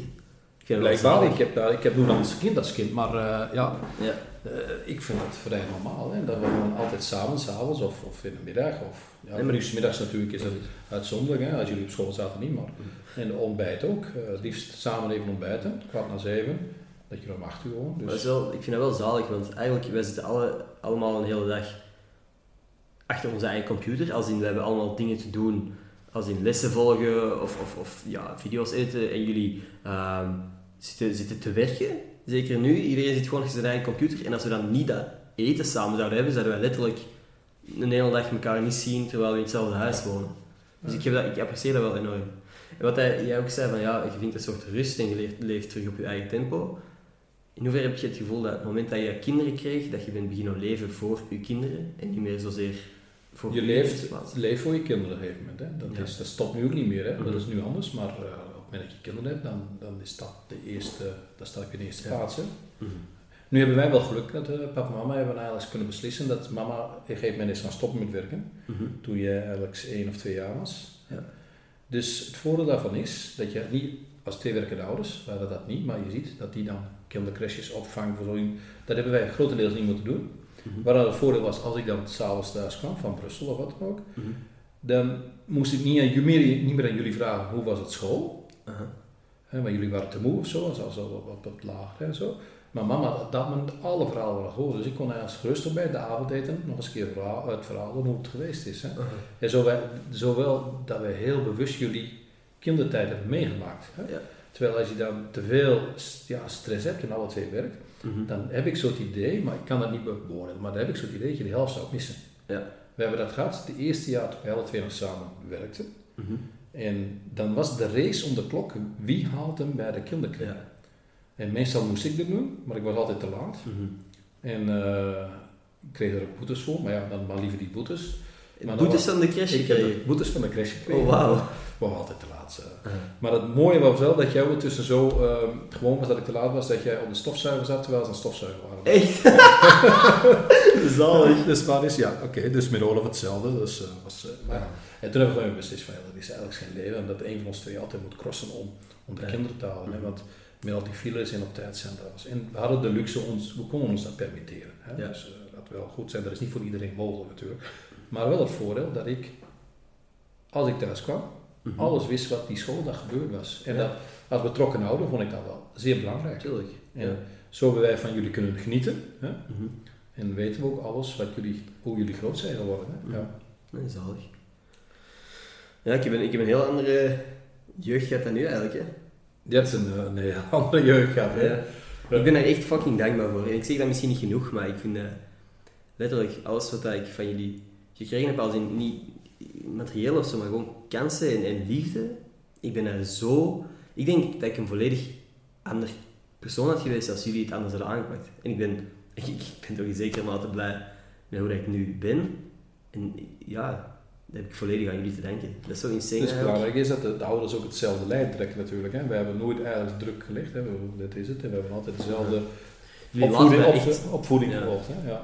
Want ook met feesten en zo, jullie hebben mij altijd vrijheid gegeven als in, je doe wat dat jij, wat dat u juist lijkt. En ook altijd, zelfs met alcohol en zo, jullie hebben mij daar nooit zo echt zitten wijzen met de vinger van, ah, dat is slecht en slecht. En als Wij, jij zei voor van, ons was het verbieden, kijk op jezelf, op een gegeven moment kun je niet meer verbieden, want als je iets verbiedt, dan mensen, dat heeft toch geen zin. dat Dus is we juist aantrekkelijker. Ja, dus we hebben nooit echt iets verboden. We hebben wel gezegd, oké, Mhm. doe maar. We Mhm. er rekening mee. Zo zit het in elkaar. Zo werkt het systeem. Ja. Maar het is jouw keuze. Hè? Als je denkt van, eh, ik ga. Dus dat is ja, dat was onze manier van, van tot jullie laten beseffen van hoe wij erover denken. Mhm. En dat hebben jullie heel goed opgepakt. Hè. Misschien als jij meer was gaan puberen, had ik het wel moeten doen. Dan was het wel het geluk Ja. dat jij niet aan het puberen was. Ah. Misschien wel gepuberd, want dat we het niet hebben gezien natuurlijk. Hè. Ja, nee. Maar ik ben, net, ik ben eigenlijk een, een pussy geweest. ik ben nooit beginnen rebelleren of zo. Ja, maar ja, dat mocht wel. Hè. Ik weet dat wij een keer gegolfd hebben. We kwamen Mhm. terug van de golf. En ik denk dat je 15, 16 was. Mhm. En blijkbaar omdat er een nieuwe, eh, in, in, in het café daar, of in het clubhuis, zou een nieuwe uitbater komen. Die, had dan, die moest dan moest bepalen wat voor bier er zou komen. Dus kon je aan de tafel zitten, kon je de pintjes proeven. Ja. En dan wij gewoon, ge- oh, toen dacht je wel eens een keer een pintje. Ik zei, oké, kom, dan gaan we die pintjes, pintjes drinken. Ja, Kun je dat niet herinneren? Ja, ja, tuurlijk, tuurlijk. Ja. En jij hebt dan niet veel gedronken. En hebben we beslist, dat is dan... eh, of moest het raden, geloof ik, wat, wat dat was. Hè? Dat was Dat stel, ja. Ja. En er was ook twee alcoholvrije zaten er nog tussen. Dus, eh, dat ging het om. Maar ik had het ook kunnen verbieden. Hè. Ik zei, papa gaat er even daar zitten, blijf je even niet zitten. Papa Ja. gaat pintjes proeven. Ja. Ik heb jou gewoon meegenomen, je was 15, 16. En, Maar dat is het, het omdat, dat, omdat dat mocht en ik vond bier dan toch sowieso niet zo lekker, was ik ook minder geneigd om, om dat dan te beginnen doen. Omdat ineens zo je niet beginnen drinken. En Ja. zeker, ja. Nee. Nee, ik vind dat, ik, er zijn zoveel dingen dat ik in mijn opvoeding gezien heb of zo, waar ik zo van geleerd heb en denk van, zo ga ik het ook aanpakken. En er zijn ook dingen waarvan ik denk, dat zou ik anders doen misschien. Ja, niemand is perfect. Nee, ik denk dat wij ook fouten hebben gemaakt met bepaalde dingen. De, Maar niet geen grote fouten, maar andere beslissingen die anders hadden gekund. Maar Mhm. Je doet als ouder doe je alleen je best. Dat is het enige wat je kunt doen. En dat vind ik zo insane, want er, er, is, je- er is geen testrun. Hè? Nee. Je kunt niet eens een keer proberen om ouder te zijn. Het moment dat je een kind hebt, is het fucking voor the long run. Hè? Dan moet het uitdoen. Hè? Dan moet je een kind volledig opvoeden, voeden, fucking eh, onderwijzen en, en liefde geven totdat...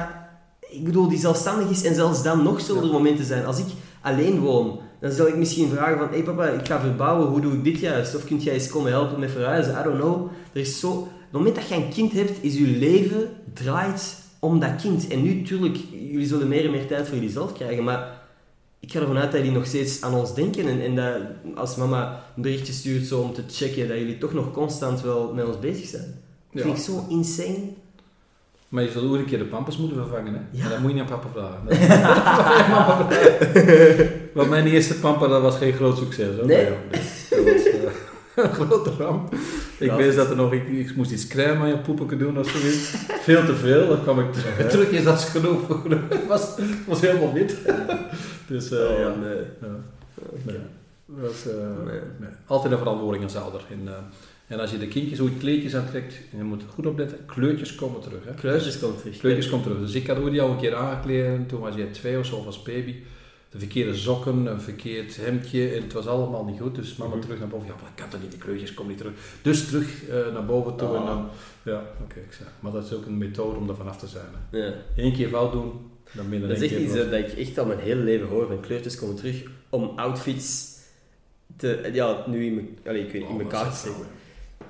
Dat is mama, dan- mama is gewoon, mama heeft, eh, is vroeger ook heeft gewerkt in eh, ja, kleding eigenlijk. Ja, Kleding. inkoopster, hè, in kleding. Ja. Ehm, dus die was er altijd wel mee bezig. En dan inderdaad. Maar kleurtjes komen terug. Ja. Kleurtjes moeten terug, Maar je moet er af en toe fout doen en dan heb je gewoon, dan moet je dat volgende keer. Ik zal het zelf doen. De kleurtjes komen terug zijn gewoon, je hebt een rode trui aan, dus een accent van rood in je broek of schoenen is Ja, leuk. Of de Ja. sokjes. Dat Ja. eh, Nu, dit is een heel gek eh, detail om mee af te sluiten, maar ik denk dat wij wel kunnen afronden. Als in, we zijn al, dit is een van mijn langere podcasts. Oh, is dit een lange podcast? Oei. Erin Nee. knippen, dan gaan we erin knippen. Hè? nee, ik vind, ik vind oprecht allemaal leuke, interessante Dat content. weten ze nog niet. Ehm, is er iets wat jij nog graag wilt delen, nu dat er toch iets wat mensen aan het luisteren zijn? Delen met jouw publiek. Aha. Ik kan dat heel moeilijk inschatten wat ik moet delen. Maar ik, wat ik zeg van, kijk... eh, ik kan alleen zeggen tegen, tegen het publiek dat hij een oprecht een eerlijke jongen is. Ja. Ja. En... eh, Ik geef jullie 50 euro straks, hè? ja, nee, dat is. Nee, maar ik, dat is gewoon een feit. En ik ben trots dat ik zijn vader ben. hè. Ja, dat En, vind ik heel eh, mooi. Meer kan ik niet zeggen. Hè. Dus, en hopen dat hem zijn studies goed afrondt natuurlijk. Hè. Dat is mijn laatste boodschap misschien. Hè. Ja. Ja, ja. Nee, ik ben trots dat ik je zo ben. Oké, daar ben ik ook heel blij mee. Ja. Dat is echt, ja, onroerend. Ja. Want ik heb het al een paar keer gezegd, maar, maar ik ben echt ik- onder de indruk van alles wat jij hebt meegemaakt, alles wat jij gedaan hebt, alles wat jij nu nog doet en hoe dat jij ingesteld bent en de dingen dat je mij zegt. Ik, ik zeg dat niet genoeg, maar ik apprecieer dat zo enorm. En ik kan soms inderdaad niet puberen, maar soms gewoon koppig zijn en zeggen van hé, hey, nee, mijn manier is de juiste manier.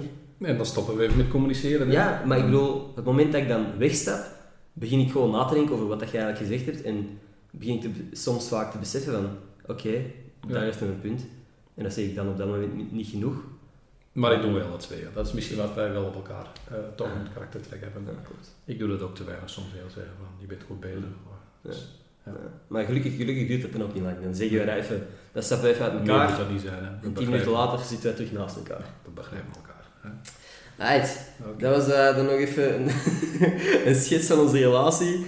Ehm, heel erg bedankt aan iedereen die geluisterd heeft. Ik ga nog even een Twitter shout-out eh, mededelen, want dat doe ik elke week. En elke week doe ik dat eigenlijk helemaal op het einde, wanneer ik bijna vergeet.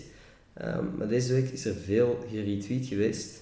Dus als je een Twitter shout-out wilt, ga gewoon naar mijn Twitter profiel, retweet mijn bovenste tweet en ik ga u laten scrollen.